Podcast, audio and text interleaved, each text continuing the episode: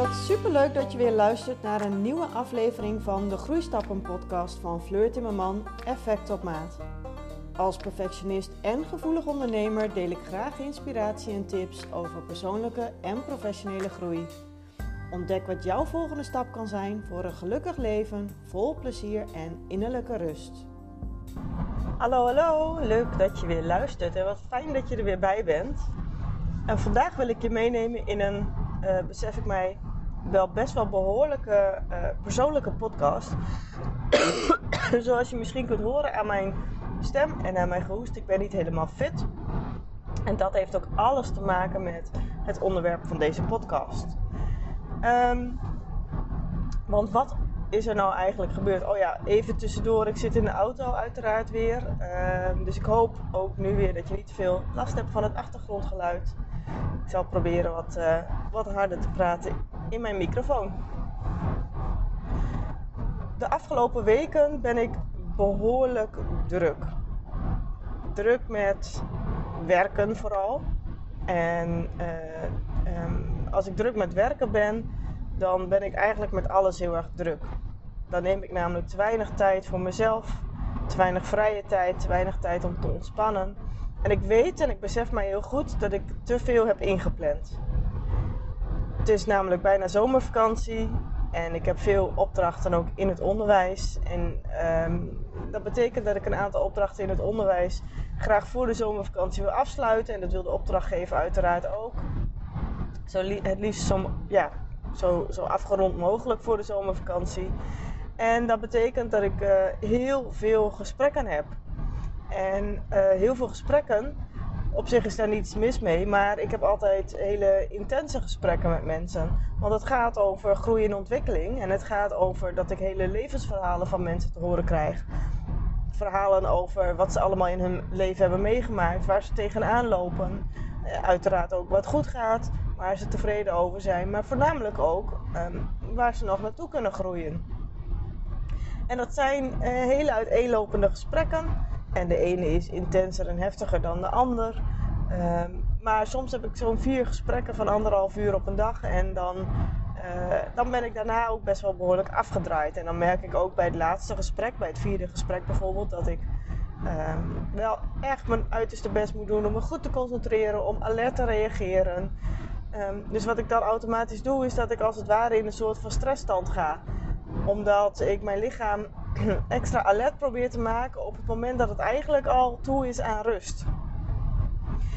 En dat is bijvoorbeeld iets wat ik, ja, wat ik heel graag wil meenemen na de zomervakantie. Bij het inrichten van mijn ja, leven na de zomervakantie. Mijn, mijn werkleven. Ik wil echt wat meer de tijd nemen om ook tegenover al die gesprekken ontspantijd uh, en ontprikkeltijd in te plannen. Dus dat is uh, een hele goede les weer uh, aan het einde van deze zomer, of ja, aan het einde van dit seizoen, zeg maar. Nee, aan het begin van het seizoen, want het is eigenlijk begin van de zomer. Maar goed, in ieder geval voor, de, voor de zomervakantie op het moment dat ik het dus veel te druk heb, dan heb ik te weinig tijd om te ontprikkelen en te ontspannen. En dan merk ik dat ik schiet in oude patronen en in oude pijnen. En ik had van de week een coachingsgesprek met een klant. En uh, deze dame van in de 60, die, uh, die, ja, dat is wel prachtig trouwens, want die doet echt elke week hele mooie nieuwe inzichten op. En dan ben je in de 60 en toch, dan bewijs je maar weer dat je nooit bent uitgeleerd. En dat je altijd uh, open kunt staan voor nieuwe ontwikkelingen, voor nieuwe inzichten. En um, deze dame had heel erg last van uh, uh, reacties van andere mensen op haar bijvoorbeeld. En dat mensen uit hun plaat gingen bij haar, nou ja, op haar afreageerden. En toen kregen we het er even over dat sommige mensen die ehm, die worden geraakt in hun pijn. In een soort van oude pijn van vroeger. In een soort van trigger, zeg maar. En die kunnen dat dan afreageren op iemand die die pijn helemaal niet veroorzaakt heeft. En dat heeft te maken met uh, onrecht en, en, met het, het uh, dat je dus je pijn gaat verhalen op onschuldigen. Dat zie je bijvoorbeeld ook bij vandalisme. Vandalisme zie je, dat, of criminaliteit, uh, de jeugdcriminaliteit. Die kinderen of die mensen die hebben allemaal een pijn en een bepaalde trigger en ze zijn niet bij machten om dat te stoppen. En gaan dan vervolgens uh, hun pijn verhalen op onschuldige, ander, onschuldige anderen. Um, bijvoorbeeld ook, um, ja, het is wel een heel heftig onderwerp. Maar als jij uh, jarenlang bent misbruikt, bijvoorbeeld, en je bent niet bij machten om dat echt een halt toe te roepen, omdat je, het, het je niet lukt om dat te stoppen, dan is er echt een hele grote kans dat jij de volgende generatie of onschuldige anderen ook gaat misbruiken. En het is best wel heftig als ik dat zo uitspreek. En dat, ja, dat blijkt elke keer maar weer. Ehm, maar je moet zo stevig in je schoenen staan, wil je dat patroon kunnen stoppen. Vaak gaat dat generatie op generatie door. Denk, maar eens na, aan, eh, denk maar eens na over alle mensen die hè, van die grote misbruiksschandalen die daarbij betrokken zijn. Vaak kom je erachter dat die mensen zelf ook misbruikt zijn. En dat, daarmee praat ik het absoluut niet goed hoor. Uh, wat er allemaal gebeurt. Maar je kunt dan soms wel wat beter begrijpen uh, wat er gebeurt. En waarom mensen dingen doen zoals ze ze doen. En dat heeft dus te maken met oude patronen, oude pijnen die geraakt worden en waarbij je niet bij machten bent of je niet genoeg hebt ontwikkeld om dat te stoppen. En dan geef je dat generatie op generatie door. Zo werkt dat dus ook met familiesystemen. Um, wat er bij mij nou is gebeurd en de reden ook dat ik uh, uh, nu verkouden ben en niet fit ben en mijn wallen die, die zijn drie keer zo groot als normaal gesproken. Dus ik heb echt moeite om over mijn wallen heen te kijken. En wat er bij mij is gebeurd is het afgelopen weekend heb ik echt mijn stresssysteem gigantisch hoog op laten lopen. Ik heb behoorlijk veel stress gehad dit weekend. En ik heb behoorlijk veel zitten huilen. En ik moet je zeggen, het is echt lang geleden dat ik zoveel heb, ja, heb zitten huilen. Ik heb echt vrijdag gehuild. Ik heb zaterdag gehuild. Ik heb zaterdagnacht gehuild. Ik ben nog uit bed geweest, eh, echt gehuild. Ik heb zondag heb ik gehuild. En dan heb ik het niet over een paar tranen laten. Maar dan heb ik het echt intens als een baby zitten huilen. Echt, niet als een baby, maar als een klein kind. Echt ongeremd huilen. En moet je zeggen, het luchtte ook wel op. Um, om dat even te doen.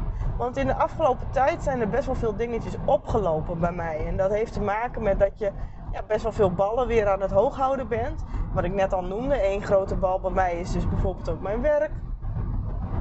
Uh, dat je die hoog probeert te houden, maar ook het huishouden. Of uh, ik woon in een samengesteld gezin, dat vraagt ook genoeg uitdagingen in je relatie bijvoorbeeld. mijn partner is een tijdje ziek geweest. En dat, uh, dat vraagt de benodigde aanpassingen. Dus ik heb behoorlijk veel ballen hoog gehouden de laatste tijd. En mijn oude pijn zit hem dan vooral in het stukje dat ik mij niet genoeg gezien voel. Dat ik te weinig warmte en betrokkenheid en geborgenheid voel. En dat is een oude pijn die heel ver teruggaat. Als ik je even meeneem naar mijn verleden. Ik heb uh, niet zo'n hele vlekkeloze jeugd gehad. En dat geeft ook helemaal niet, want dat maakt ook dat ik sta waar ik nu sta. Waardoor ik ook deels vanuit ervaring en deels vanuit uh, kennis, theoretische achtergrond, juist mensen heel goed verder kan helpen. Uh, maar als ik je gelijk mee terugneem naar uh, het begin van mijn leven. Ik ben geadopteerd uit Sri Lanka door mijn ouders. En het is niet helemaal duidelijk hoe die adoptie nou is verlopen als je denkt aan een adoptie, dan kun je denken aan, en dat heb ik eigenlijk altijd gedacht. Uh, weet je, mijn ouders konden niet meer voor me zorgen, dus die hebben me afgestaan omdat ze voor mij een beter leven wilden. Nou, halverwege uh, mijn leven kwam er veel meer uh, duidelijkheid over de tijd waarin ik geadopteerd ben en ook de, het bedrijf en de organisatie waarmee ik geadopteerd ben en het jaartal en het land, zeg maar. Ehm, dat er in die tijd heel veel fraudeadopties zijn geweest. En wat is nou een fraudeadoptie? Een fraudeadoptie is dus op het moment dat een kind wordt, uh, ter adoptie wordt opgegeven of weggegeven, maar dat kind is niet daadwerkelijk door hun ouders als adoptiekind opgegeven. Het kind is misschien wel uh, gestolen. Of het kind is misschien wel, ouders zijn misschien wel eens gechanteerd om het kind weg te geven.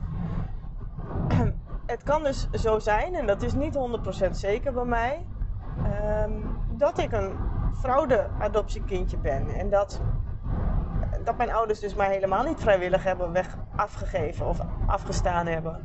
Dus dat is een puzzelstukje die ik ook eigenlijk niet kloppend kan maken in mijn leven. En er zijn heel veel puzzelstukjes die je in je leven kloppend kunt maken en die je kunt neerleggen in het grote geheel. Dit zal voor mij altijd een, een leeg vakje zijn, een leeg puzzelstukje. Blanco puzzelstukje. En, um, maar goed, ik kwam dus bij mijn ouders terecht en ik ben een ontzettend gevoelig kind. Alleen dat wist ik toen natuurlijk nog niet, daar kwam ik pas later achter. Uh, maar ik ben terechtgekomen in een ontzettend sterk intellectueel ontwikkeld gezin mijn adoptieouders, ik noem ze mijn ouders, die hebben hartstikke hoge opleidingen genoten. Mijn vader universitair niveau, mijn moeder HBO-niveau, allebei goede banen. Hadden ook uh, genoeg geld om een kindje uit het derde wereldland een beter leven te geven. En zo geschiedde het ook. Zij hebben ook vanuit hun beeld mij een goed leven gegeven. Ik heb het hartstikke goed. Ik heb heel goed uh, materialistisch gezien heb ik het heel goed gehad. Maar daar zit het ook precies in. Ik heb heel veel warmte en gevoel gemist. Want dat konden mijn ouders niet geven, want sociaal-emotioneel waren ze eigenlijk onderontwikkeld. En dat zie je ook generatie op generatie terugkomen, want dat zag je ook terug bij de ouders van mijn vader, bij de ouders van mijn moeder iets minder heftig, maar bijvoorbeeld bij de ouders van mijn vader. Mijn vader is ook zonder emotie opgevoed. En daar ben ik later pas achtergekomen toen ik met mijn vader die gesprekken aan ben gegaan. Ehm, dat hij dat ook gewoon niet gekend heeft. Ehm, dus ik ben daarin heel erg zakelijk opgevoed. En dat is dus een soort van oude pijn bij mij geworden. Dat ik in mijn jeugd heel veel warmte heb gemist. Heel veel geborgenheid heb gemist. Ik heb eigenlijk nooit knuffels gekregen. Niet die, die arm om me heen, die knuffel. Of dat, de woorden ik hou van jou of ik ben trots op jou.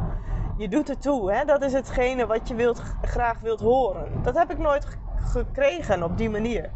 Ik heb het wel op andere manieren gekregen. Hè? Je gaat altijd op een gegeven moment op zoek naar, oké, ik heb het op die manier niet gekregen. Ik had het graag op die manier gewild.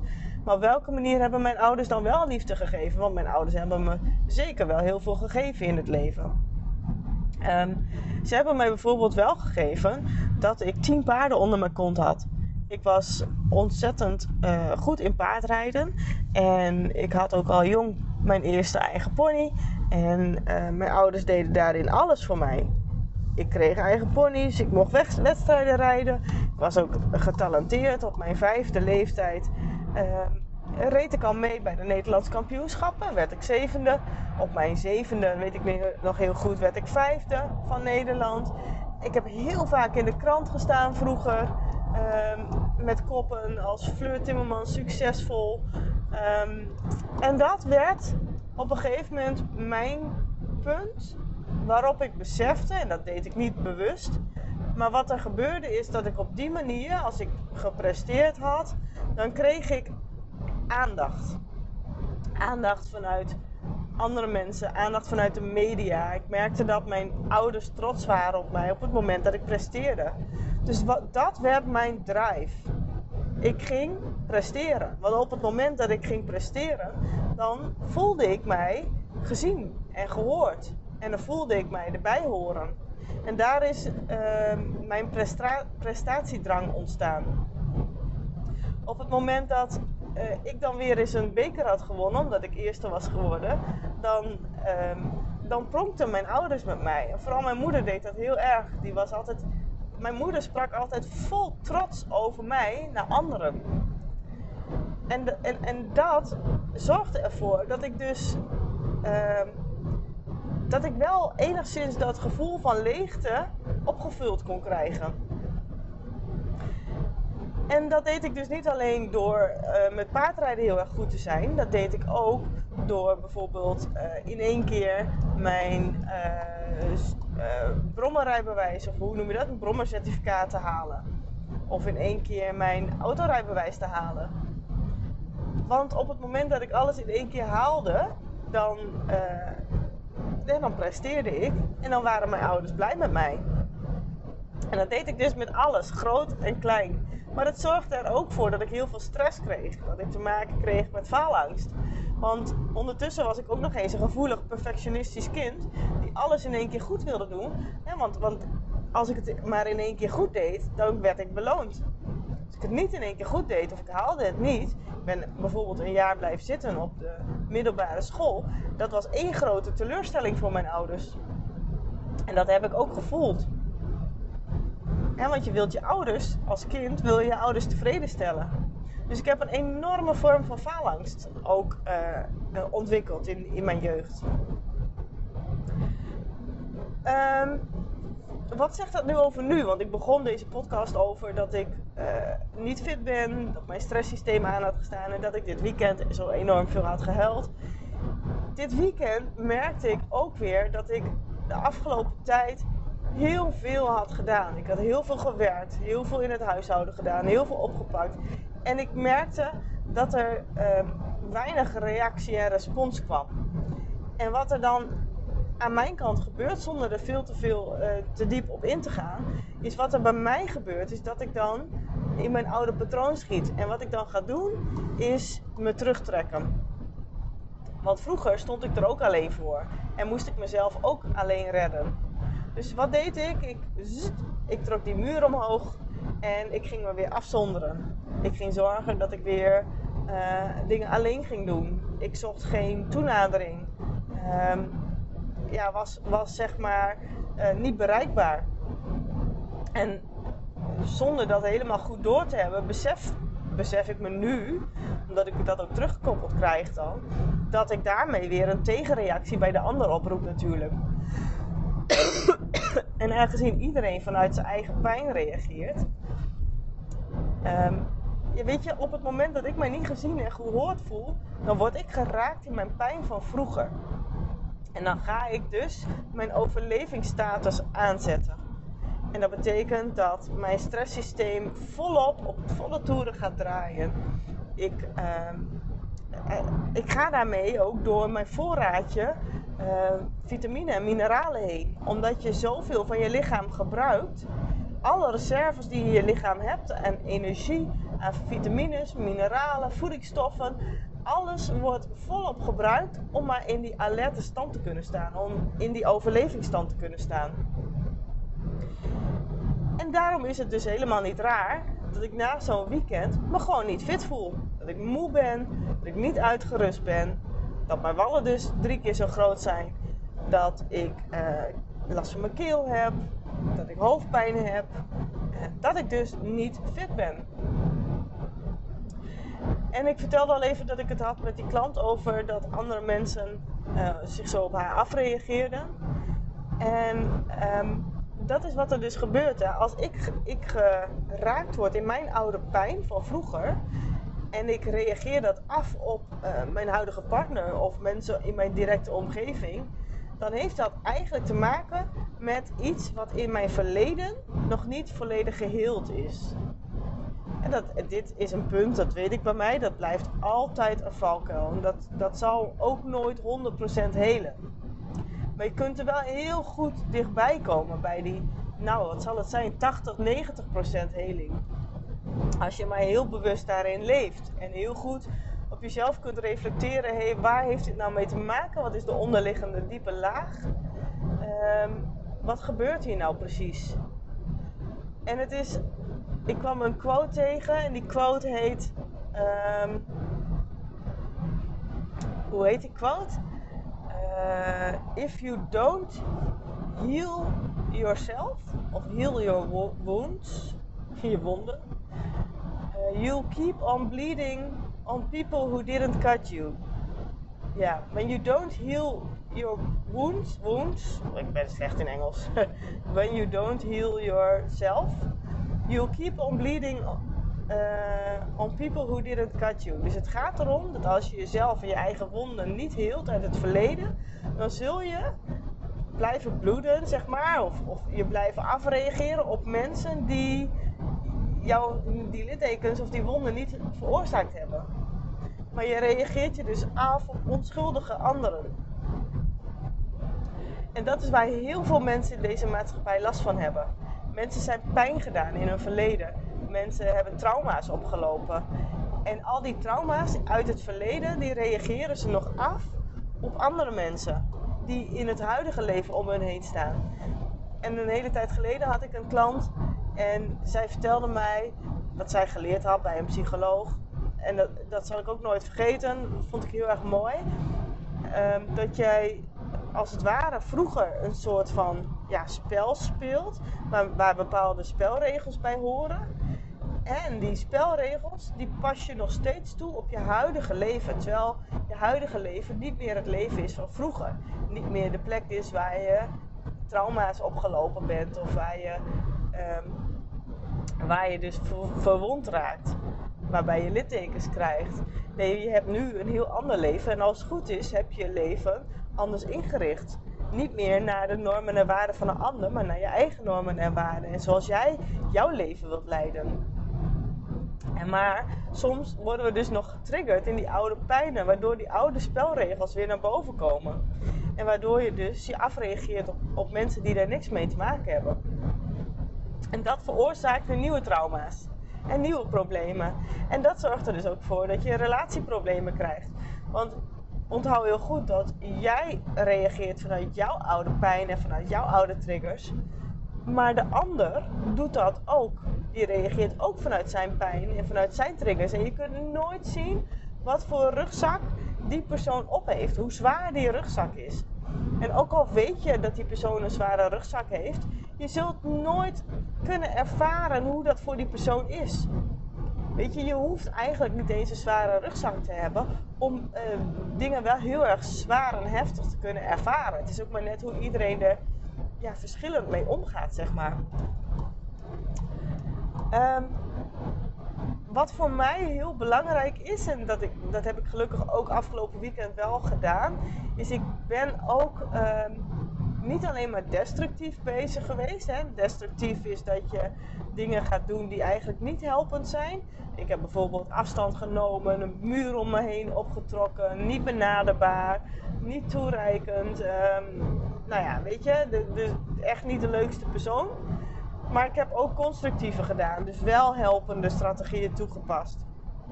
Zo ben ik bijvoorbeeld in de auto gestapt en ben ik naar de wasstraat gereden. En heb ik mijn auto lekker laten wassen. En daarna heb ik hem helemaal uitgezogen en helemaal netjes gemaakt. En nou ja, dan ben je toch weer een, eh, een klein uurtje onderweg. Dus dan ben je weer bezig. Um, en dan kun je ondertussen gewoon even alle gedachten die bij je opkomen, even binnen laten komen. Even onderzoeken. Wat zijn dit voor gedachten? Neem ik ze serieus? Wat wil ik ermee? Wil ik ze parkeren? Wil ik ze meenemen in mijn verhaal, in mijn reflectieverhaal? Nou ja, dat is wat je dan op zo'n moment doet. Op, als je weerstand gaat uh, krijgen tegen je gedachten, je wilt je gedachten stopzetten en je wilt ze niet toelaten, dan zullen ze alleen maar terugkomen. Dus wat je het beste kunt doen is gewoon je gedachten binnen laten komen, even onderzoeken wat wil ik hiermee en dan weer uh, verder laten gaan. Um, wat ik ook heb gedaan is ik ben even naar een winkel geweest, een tuinmeubelshop en ik heb even gekeken daar, gewoon lekker rondgekeken en uh, lekker in mijn eigen wereldje.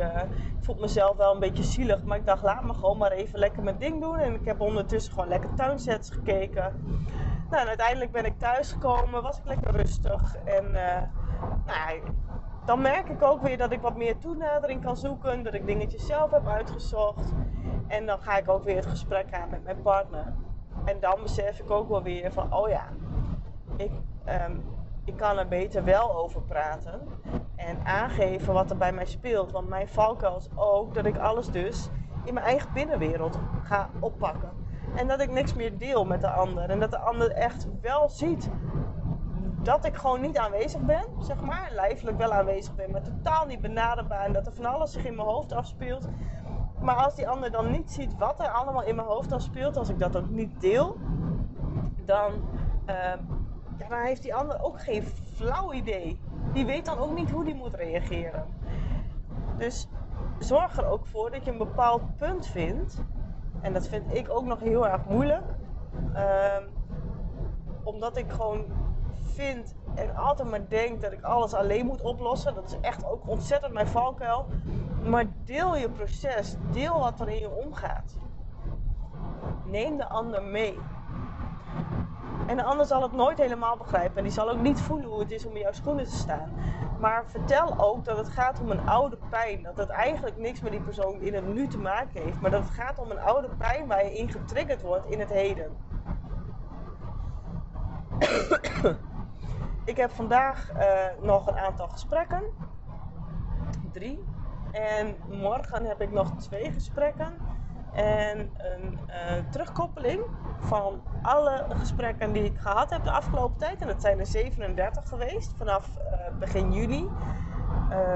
Dus ja, iets meer dan een maand ben ik bezig geweest voor 37 gesprekken. Daarnaast had ik natuurlijk ook nog mijn individuele coachingstrajecten lopen en nog een aantal teamtrainingen. Dus het is best wel even een hele drukke maand geweest. En na morgen gaat het beduidend rustiger worden. En dan ga ik ook uh, begin van de zomervakantie wat meer tijd nemen weer voor mezelf. En dan ga ik automatisch ook weer mijn stresssysteem wat meer kalmeren. Dus het is voor mij belangrijk om te kijken hoe kan ik zo goed mogelijk nu, de komende tijd voor me zorgen, constructief met mezelf aan de slag en daar extra tijd aan besteden. En uh, even weer ontdekken wat zijn mijn waarden, welke grote ballen wil ik graag hoog houden. En dat kun je vergelijken met uh, een emmer die je gaat vullen met de dingen die jij belangrijk vindt in je leven. je kunt bijvoorbeeld die emmer vullen met drie of vier grote ballen of grote stenen. Misschien is dat nog wel mooier. Vul de emmer met drie of vier grote stenen die jij heel erg belangrijk vindt in je leven. En dat zijn je belangrijkste waarden. Voor mij is dat gezondheid, uh, een fijn uh, klaarstaan voor mijn gezin of het gezinsleven is voor mij heel erg belangrijk. Mijn relatie. even kijken, heb ik dan? Gezondheid, relatie, gezin. Nou ja, wat vind ik nog meer belangrijk? Ik vind plezier ook wel heel erg belangrijk. Dat zijn mijn grote stenen die ik als eerste in de emmer stop. Vervolgens ga ik daar dus ook mijn meeste tijd aan besteden. Daarna kun je de emmer vullen met allemaal kiezelsteentjes. En die kiezelsteentjes zijn alle waarden en alles wat je ook belangrijk vindt naast die grote stenen die je er al in hebt gestopt. Dus dat is voor mij werk, hoewel werk misschien ook wel, wel een grote steen voor mij is. Um, dat zijn uh, vrienden, dat zijn, is familie, uh, dat is uh, nou ja, sporten of nou, noem het maar op. Wat jij belangrijk vindt als kiezelsteentjes. En daarna kun je dan de emmer nog vullen. De ruimte die erop over is, kun je nog vullen met zand. En dat is hetgeen waar je de minste prioriteit aan geeft in je leven. En we hebben het altijd over dat we het zo druk hebben in ons leven. Maar het is niet zo dat we het altijd zo druk hebben. Het is dat wij niet onze prioriteiten goed weten te plaatsen. En niet altijd helder hebben voor onszelf. En dat gaat ook gedurende een jaar. En we beginnen in het nieuwe jaar altijd met goede voornemens. En dat zwakt altijd gelijk dan weer in februari af. Um, maar dat is wel heel belangrijk om, om af en toe even goed scherp en helder te hebben. Wat, oh ja, wat vond ik ook alweer belangrijk? En wat, wat, um, waar wil ik mijn meeste tijd en prioriteit aan geven? Um, als je de emmer andersom gaat vullen, door hem eerst te gaan vullen met zand en daarna met kiezelsteentjes en daarna met stenen, dan gaat het niet passen. En dus zorg ervoor dat je eerst gaat ontdekken wat zijn jouw grote stenen die het belangrijkste voor jou zijn in jouw leven. Daarna vullen met kiezelsteentjes wat je iets minder belangrijk vindt, maar nog steeds heel erg belangrijk. En daarna vul je je overige ruimte met zand. En zand is oh ja, voor mij is bijvoorbeeld ontspanning ook heel erg belangrijk. of dat nou een grote steen is of een kiezelsteen, nou ja, dat wil ik even. Dat zijn dingen die ik voor mezelf ook weer even wil uitzoeken. Um, zodat ik mijn stresssysteem ook weer kan laten ontspannen. Het is voor mij heel belangrijk om nu aan te vullen met uh, goede, gezonde voeding. Uh, misschien wel wat supplementen die ik nodig heb om in ieder geval mijn immuunsysteem weer even te boosten. Te zorgen dat ik weer genoeg reserves opgebouwd heb. Um, zodat mijn lichaam weer in balans kan komen. Want als je lichaam, ja, als je last van je keel hebt, of als je hoofdpijn hebt, of je bent moe, zijn allemaal signalen van je lichaam dat je uit balans bent. En dan word je moe en prikkelbaar, kort lontje. Kortom, je wordt gewoon niet de leukste versie van jezelf. Nou, ik ben hem weer tegengekomen. Wow, dit ga ik even. Dit moet echt anders. En ik wist dat ook al wel voor het weekend. Maar dit weekend was echt even weer een doorbraak waarbij ik echt heel erg ben teruggevallen in oude patronen. En ehm, dat betekent dus dat ik weer heel erg scherp moet zijn op hoe ik mijn leven wil gaan inrichten. Dus daar ga ik de komende tijd ook uh, weer voor gebruiken ik hoop dat je wat hebt gehad aan deze best wel behoorlijke persoonlijke podcast ook. Ik vind het altijd wel een beetje lastig, want um, ik wil natuurlijk niet alle ins en outs. Ik vind het niet erg om alle ins en outs over mezelf te vertellen. Maar ik wil niet alle ins en outs vertellen over mijn partner of over mijn kinderen. Uh, of over de mensen om me heen, want die hebben daar geen eigen keuze in wat ik vertel. En dus ik kan alleen maar iets vertellen over mezelf. Ik wil een ander ook absoluut niet tekort doen. En het gaat er vooral ook om dat um, hoe ik dingen heb gedaan, hoe ik dingen heb ervaren en wat er bij mij gebeurde. Uh, wat er bij mij bijvoorbeeld getriggerd werd. En hoe ik daarop heb gereageerd. Ik ben benieuwd of je hier iets uithaalt voor jezelf. Laat het me even weten, want daar ben ik altijd wel super benieuwd naar. En ik zou het ook super gaaf vinden als je mijn podcast wilt delen met iemand anders die daar ook baat bij zou kunnen hebben. En uh, ik ben bijna op locatie, nog acht minuutjes. Dus ik ga nog even ontspannen voordat ik uh, de gesprekken inga. En ik wens jullie in ieder geval nog een hele fijne dag.